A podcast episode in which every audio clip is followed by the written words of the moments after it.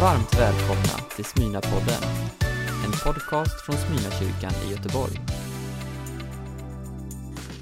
Jag har fortfarande inte vant mig vid att när vi firar gudstjänster nu så är det med människor i salen. Det är så underbart.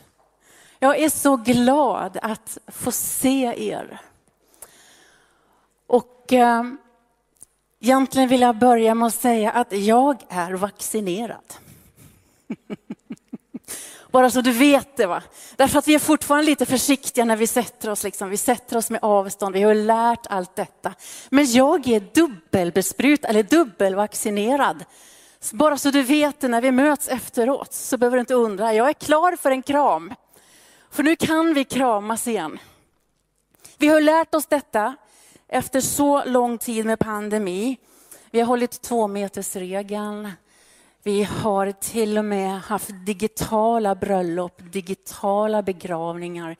Vi är vana vid några få runt matbordet. Och egentligen har vi fått en oerhört gemensam, dyrköpt insikt. Det bästa vi har i livet är ju varandra. Eller hur? Vi är inte hela utan varandra. Det var inte högre lön, det var inte resan till Medelhavet, det var inte det nya köket, utan det var närhet och äkta kontakt. Och någonstans i kroppen och knoppen så har vi vetat detta, men vi har liksom fått en ny eh, insikt om detta, att vårt djupaste behov är gemenskap, äkta gemenskap och närhet. Kommer du ihåg vad det första Gud säger till människan är? Han säger det är inte gott för mannen att vara ensam. Och det förstår ju vi att det skulle vi kunna ha en helt egen predikan om. Den hade blivit väldigt, väldigt lång. För vi är några i det här rummet som vet, det är inte gott för mannen att vara ensam, eller hur? Tjejer, är ni med? Ja, det är bra. Men tror inte ni tjejer att om Gud hade skapat oss först så hade han sagt detsamma till oss.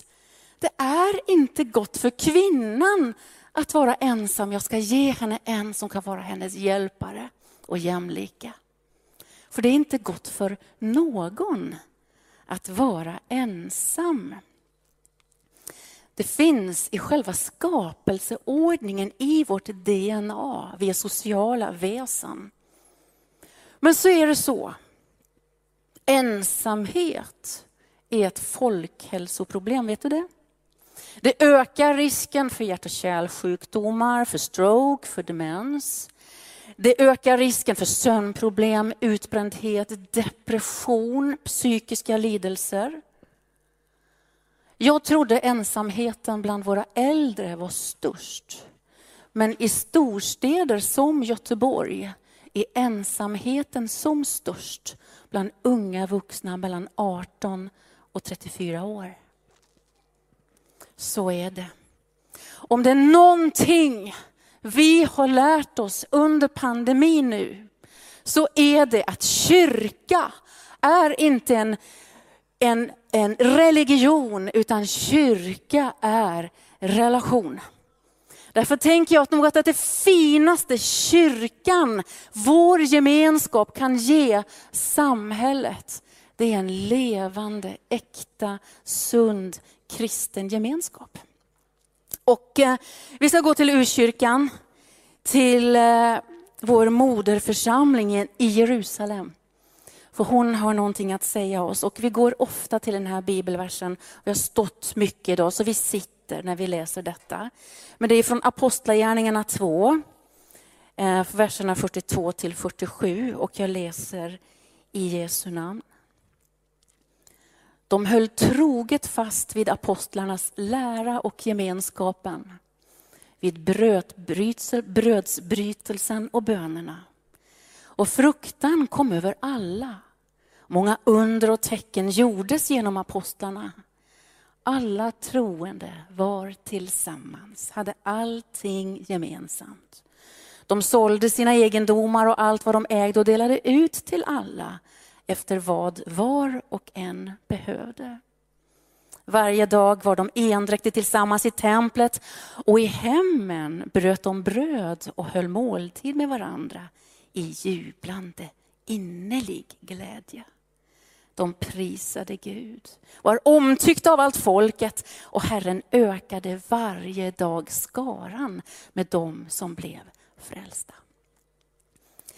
Det första jag vill säga någonting om gemenskapen i vår moderförsamling, det är att det är en Jesusgemenskap.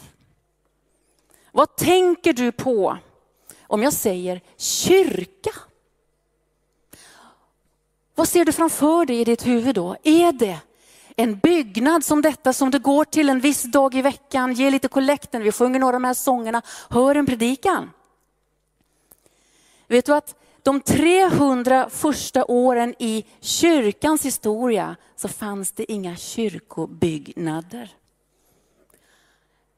Den vackraste def, eh, vad heter det? definitionen på kristen kyrka och kristen gemenskap, det är den norsk landsman till mig som har myntat som heter Edin Lövås. Eh, han lever inte nu, men det här, det här lever. Kristen gemenskap är en krets lärjungar samlade runt Mästaren. Fick du med dig det? Kristen gemenskap är en krets lärjungar samlade runt Mästaren. Gemenskapen är kyrkan. Vi alltså är kyrkan. Gud bor inte i hus byggt av människohänder, utan han bor i människan. Och vi är levande stenar i ett andligt husbygge. Därför är det inte det viktigaste för din granne är ju inte att de vet att det finns ett hus i stan på Haga kyrkogata som heter Smyrna. Utan det viktigaste för min granne och din granne är att det finns en som heter Jesus Kristus. Som kan frälsa, som kan hela, som kan upprätta, eller hur? Kristen gemenskap är en krets lärjungar som samlas runt Mästaren. Det betyder att Jesus Kristus är centrum. Jesus är fokus. Fokus, vet du vad det betyder? Det är brännpunkt. Och eh, vet du vad som händer om du tar ett förstoringsglas? Samlar solens strålar i det här glaset, håller det över lite tört, torrt gräs eller papper eller någonting sånt där. Har du gjort det? Då tar det ju eld va? Det börjar brinna. Men det brinner inte var som helst. Det brinner inte vid en bra predikan eller en bra predikant. Man kan tänka att bara vi får den riktigt musiken som jag gillar, då börjar det brinna. Men det brinner inte vid musiken. Det brinner inte heller vid en ny läcker kyrkbyggnad. Det brinner bara på ett ställe. Anden kastar allt sitt ljus på en enda person och det är Jesus Kristus. Och vi är en krets. Transparenta människor, transparenta liv som samlar andens ljus så att Jesus kan börja verka i oss och genom oss och mellan oss. Han är vårt centrum. Amen. Så framför någonting annat är en kristen gemenskap en Jesus gemenskap.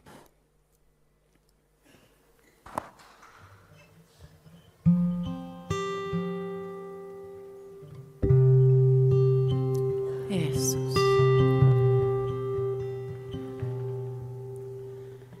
Jesus kom var centrum bland ditt folk. Jesus kom var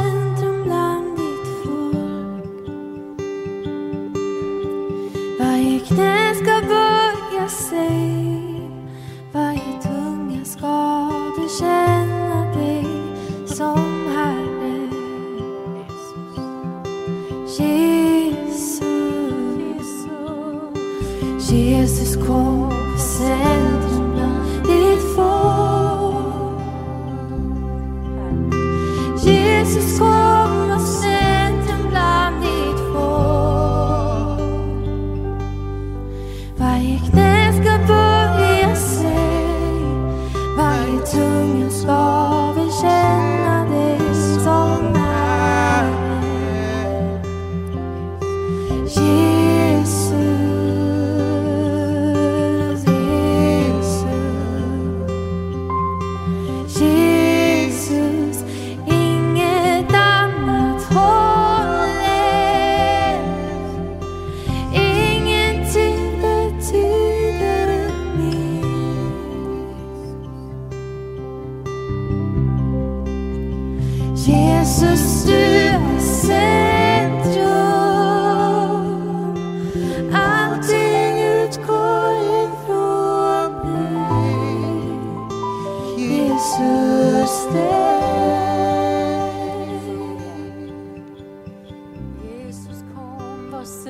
centrum bland ditt folk.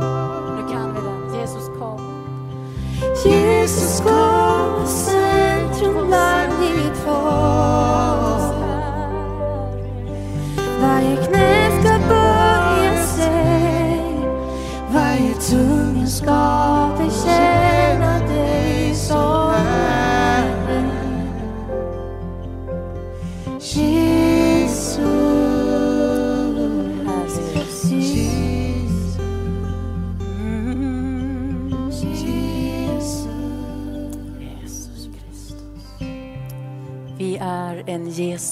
Kristus gemenskap. Det är därför vi är här. Först och främst. För att han ska få vara synlig, levande ibland oss. Vi är en Jesus gemenskap. Men om vi går vidare nu. Tittar på vår moderförsamling så är det också en livsgemenskap. De hade allting gemensamt, delade arbete, mat, egendom och delade ut till var och en efter behov.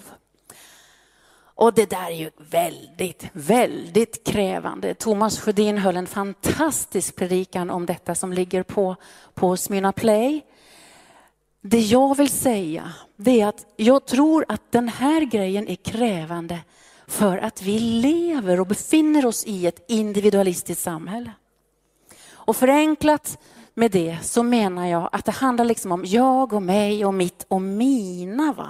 Min lön, min CV, min åsikt, min kropp. Och Gud ser oss som individ. Det finns ingen tvekan om att Gud ser oss och dig som individ. Men individualism är någonting annat. Där det är en religion där jag är Gud i mitt eget universum. Och det handlar om mig. Då bygger inte jag gemenskap. Utan jag förbrukar gemenskap. That's a big difference. Om jag frågar dig nu, vad tror du och tänker du är kyrkans största utmaning? För vi pratar ju mycket om framtiden nu för tiden. Vi vill bygga framtidens kyrka, framtidens gemenskap. Vad tänker du är kyrkans största, eller vår största utmaning? Vad är ditt svar? Är det islam? Är det samlevnadsfrågor? Är det ekonomi? Är det ett kallt, allt kallare samhälle eller vad är det? Jag vill säga så varmt jag bara kan att jag tror den största utmaningen för kyrkan, för oss, det är att vi tar med oss det här individualistiska, hela mindsetet in i kyrkan och blir förbrukare istället för byggare. Blir producenter eller blir konsumenter istället för producenter av andligt liv. Vad menar jag nu? Kan vi producera andligt liv, folkens? Nej, det kan vi ju inte, men vi kan medverka till andligt liv. Det kan vi. Därför att vi är en krets transparenta människor som med vår transparens och sårbarhet och öppenhet fångar andens ljus så Jesus Kristus blir synlig ibland oss och det börjar brinna. Eller hur? För det börjar brinna i Jesu närhet, det händer någonting i Jesu närhet när Jesus blir synlig, tydlig ibland oss. För det går både att märka och känna en helig närvaro. Därför säger vi ja till individen, men vi säger nej till individualism. Det som dyrkar jag, mig och mitt. Jag tror att kristen gemenskap är individualismens motgift. Jag tror att kristen gemenskap är tänkt, har en gudagiven gåva i sig att vara ensamhetens motgift om vi inte döljer våra liv för varandra, utan vi vågar erkänna vår sårbarhet och vår svaghet och vår styrka för varandra, vara hela människor. Därför tänker jag en varm, generös gemenskap där vi orkar se varandra och andra är det finaste, absolut mest relevanta vi kan ge Göteborg. Under den här pandemin så har vi lärt oss några nya vanor, eller hur? Vi har nytt beteende, vi har nya mönster, vi har lärt oss att fira gudstjänst på webben. Och jag tackar Gud för Smyrna Play. Jag hoppas att du säger någonting gott när du ser en av våra tekniker, för de har jobbat så hårt i ett och ett halvt år. Va? Men den digitala gemenskapen och gudstjänsten kan aldrig ersätta detta. Eller vad säger du? Den levande Nej, säger Bengt Winter. Den kan inte det. Men individualisten i mig, jag måste ju vara ärlig, gillar webbkyrkan. Därför att jag kan ju liksom klicka mig fram när jag vill, vart jag vill, med vem jag vill. Jag kan lyssna på den musiken jag vill, jag kan lyssna på de bästa predikanterna i hela världen. Och det kan inte en lokal kyrka konkurrera med. Det går ju inte. Den lokala församlingen har fel och brister, men vi har någonting annat. Vi har någonting levande, för vi är varandras medlemmar. Eller hur? Det står i Romarbrevet 12, ty liksom vi har en enda kropp men många lemmar. Alla med olika uppgifter så utgör vi, fast vi är många, en enda kropp i Kristus. Men var för sig är vi lemmar som är till för varandra. Vi är ingen administration, vi är ingen organisation. Vi är en organism, eller hur? Där ett lem sitter samman med ett annat lem som sitter samman med ett annat lem och så blir det en kropp där alla har sina funktioner och sin plats. Och det är inte vilken kropp som helst utan det är Jesus Kristus igen. Vi är Kristi kropp. Och han är huvudet för kroppen. Han är huvudet för gemenskapen. Det kallar jag livsgemenskap. Vi ska se på en grej till, är ni med? Vi ska se på vardagsgemenskap. För hela Jesu liv och verksamhet det gick ju ut på att bygga nya relationer, hitta nya människor.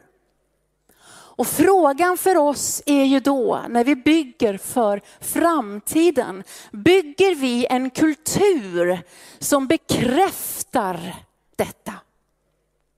Och hur kan vi bygga en kultur som stödjer och bekräftar det Jesus gör, att se nya och bygga relationer och hitta nya människor? Umgås vi med de vi brukar, mest med de vi brukar umgås med. Eller vem umgås du med? Vem finns i ditt nätverk? Ute på kyrktorget sen efteråt, vem hälsar du på? Vem sätter du dig ner och fikar med? Är det de gamla vanliga? För vi har ju våra mönster, eller hur? Där vi är trygga. Ja, om det är så, så vill jag säga er och mig en sak idag. Vi har en gyllene chans att göra annorlunda nu. Vi bygger en kyrka, men vi bygger också framtidens gemenskap. Och vi har med oss massa erfarenhet nu, eller hur?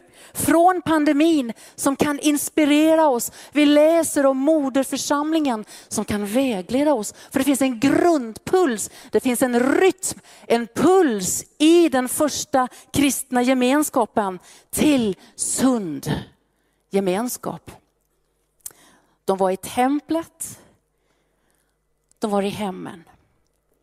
Det är helgdagar, det är vardagar. Det är gudstjänster, det är smågrupper, alltså den stora gemenskapen som gör det vi gör nu. Vi sjunger liksom lean on me och man applåderar lite och det är härligt, det är fest, vi firar gudstjänst. Och så den lilla gemenskapen där vi är nära, där vi delar liv och är förtroliga med varandra.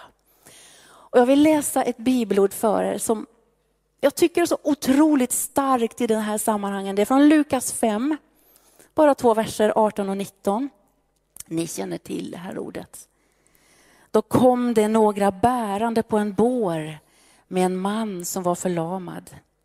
De försökte komma in med honom och sätta ner honom framför Jesus.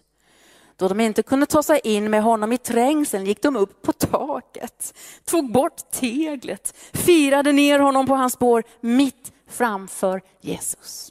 Alltså Jesus är hemma hos någon. Ryktet har gått om att Jesus är i stan och det är fullt i huset. Kanske har du sett de här husen i Israel, hur det faktiskt såg ut detta. Så är det någonting som tänker, han skulle ha varit här. Hon skulle ha varit här. Kanske är det en kollega, kanske är det en granne, kanske är det en klasskompis. Men jag måste ha med den här mannen som inte kan gå. Och det är fullt i huset. Då är de ju så uppfinnsamma. Va? Så de hittar ett annat sätt att lösa detta. För vi måste bära honom fram till Jesus. Och jag blir så berörd. För det här är en hemgrupp som bygger en bärkraftig, bokstavligen bärkraftig gemensam, äh, gemenskap som gör att när en inte orkar gå, då finns det andra som bär honom. Som gör att när du går på en smäll, för det kommer du antagligen göra, när du inte orkar be, då är det någon annan som ber för dig och som ber med dig. Och när du inte orkar tro, då finns det någon annans tro som kan bära dig en sträcka. För vi kommer i livssituationer och livsfaser där benen inte riktigt orkar bära oss. Och i en varm, sund gemenskap och i en mindre framförallt gemenskap så kan någon ta tag i dig och lyfta dig upp och bära dig en sträcka. Här är jag. Lita på mig. När du är svag, då vill jag stödja dig. För en vacker dag, det vet jag, då är det jag som säkert behöver dig. Alla behöver någon. Det är helgdagar, det är vardagar, det är templet, det är hemmet, det är gudstjänster, det är smågrupper. Det är ett heligt mönster. Det är en helig rytm som vi ser komma och praktiseras hos vår moderförsamling, urkyrkan i Jerusalem. Och jag säger det igen. Är det någonting vi har lärt oss i pandemin så är det att kyrka är inte ett hus. Det är inte religion, utan det är relationer. Vi är en krets lärjungar samlade kring Mästaren. Vardagsgemenskap. Nu ska jag avsluta. Vi är ju väldigt spännande tider. Vår nya kyrkbyggnad, arbetet med den är ju igång. Va? Snart får vi se henne komma upp ur jorden i Frihamnen. Tänk att vi samlade in, har ni fått med er hur mycket vi har samlat in på åtta dagar? Jag måste ta på mig glasögon så jag ser om ni reagerar. Vet ni att vi har samlat in över 1,1 miljoner kronor på åtta dagar? Ja, det är faktiskt ganska fantastiskt. Jag tror både en och två, tre och fyra och fem av er var lite skeptiska när Sjödin och jag ställde oss fram och sa att nu ska vi samla in en miljon kronor. Tusen ger tusen, varje krona räknas och vi har åtta dagar på oss. Men det skedde. Det är också gemenskap. Det är också bärkraftig gemenskap som vi är helt beroende av när vi ska bygga en kyrka med en större vision, som tar, med en större skörd, eller hur? Och vi har världens chans att fylla den kyrkan med en gemenskap som har tagit några steg till. Vi har världens chans att bygga en varm, levande, öppen gemenskap som kan ta emot flera. Därför hoppas jag att du är riktigt, riktigt hungrig på gemenskap. Är du det? Efter alla stängda kyrkdörrar, efter alla digitala webbgudstjänster, är du inte hungrig på äkta gemenskap? Kramas här ute efteråt. Hela världssamfundet har fått den här påminnelsen hur existentiell gemenskap och närhet är. Så låt oss ta med allt detta och bygga en gemenskap eh, som använder sin andliga kraft, för det har vi. Det är gett oss en andlig kraft och den kan vi använda för att se varandra, bära varandra och finna nya. Jag tror nämligen att vi kan växa bara i, alltså i antal, bara i den mån vi orkar vara en öppen, generös gemenskap som inkluderar andra. Därför behövs du och du och du och du och vi. Om du är ny i tron, om du är ny i stan, om du är ny i den här gemenskapen, om du är tvivlande, du som har varit här i många, många år. Jag säger till dig, välkommen. Välkommen att vara med och bygga framtiden genom äkta, sund, ärlig gemenskap. Amen. Du har lyssnat på en predikan från Smyrnakyrkan i Göteborg. Hjärtligt välkommen att lyssna igen eller besöka Smyrnakyrkan. Gud välsigne dig och din vecka.